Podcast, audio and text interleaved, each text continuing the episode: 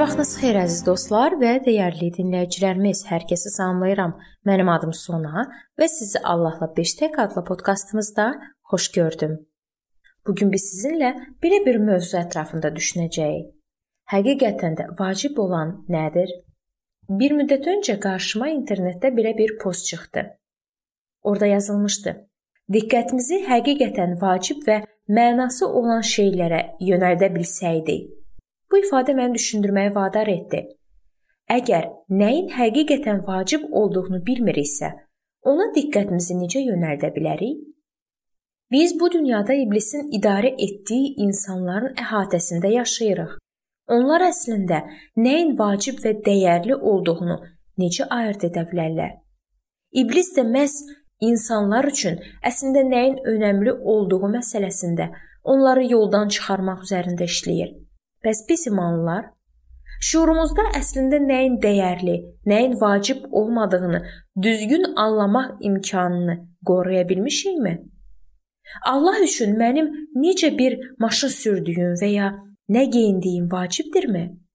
Qəlyanaltı masamda qarğıdalı və ya buğda sıyığı ya da yarma olması onun üçün önəmlidirmi? İlk baxışdan bu şeylər bizə əhəmiyyətsiz görünə bilər. Eyni zamanda Allahla münasibətlərimizə aydınlıq da gətirə bilər. Əlbəttə ki, Allaha yaxın olmaq üçün ilk növbədə onunla barışıqda olmalısan. İsa Allahın hökmlərinin məğzini deyəcəyin iki ehkamda izhar edir. Allahı bütün qəlbinlə və qonşunu özün kimi sev.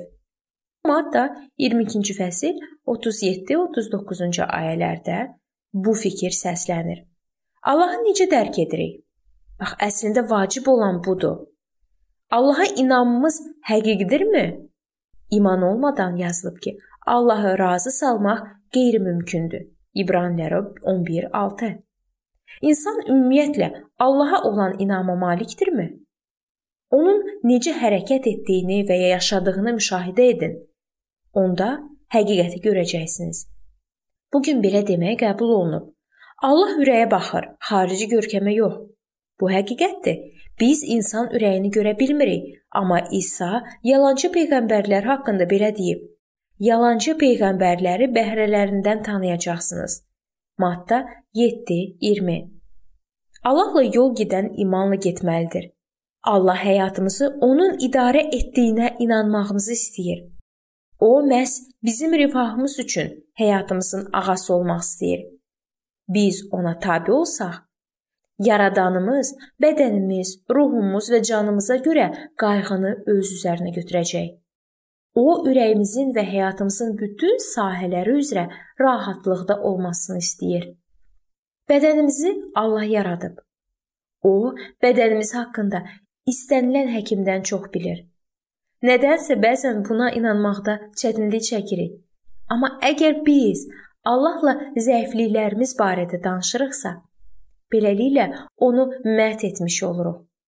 Bədənimiz bütün orqanların əlaqəli işlədiyi bir möcüzə nəticəsində yaradılıb.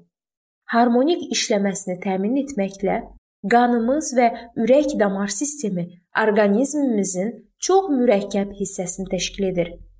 Ola biləcəyindən çox az problemin olması artıq möcüzə sayıla bilər. Atamız və yaradanımız Hətta bir çox çətinliklərlə üzləşib onun qayğısına qala bilmədiyimiz hallarda belə bədənimizi sağlam vəziyyətdə saxlaya bilər. Paulun bu barədə nə dediyini bilmək üçün 2-ci Korinfillərə 11-ci fəsli oxuyun.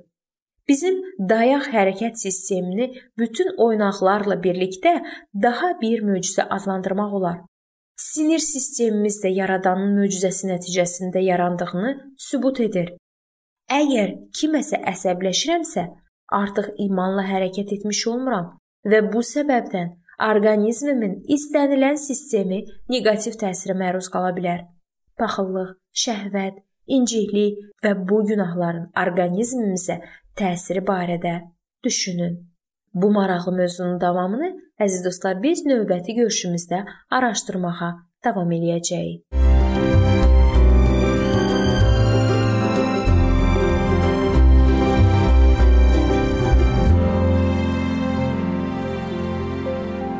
Beləliklə əziz dostlar, bu yerdə bu mövzu sona çatdı. Hər zaman olduğu kimi sizi dəvət edirəm ki, bizim podkastlarımızı Facebook səhifəmizdən və YouTube kanalımızdan izləməyə davam eləyəsiniz. İndi isə mən sizinlə sağollaşıram və növbəti görüşlərdə görməyə ümidi ilə. Sağ olun, salamat qalın.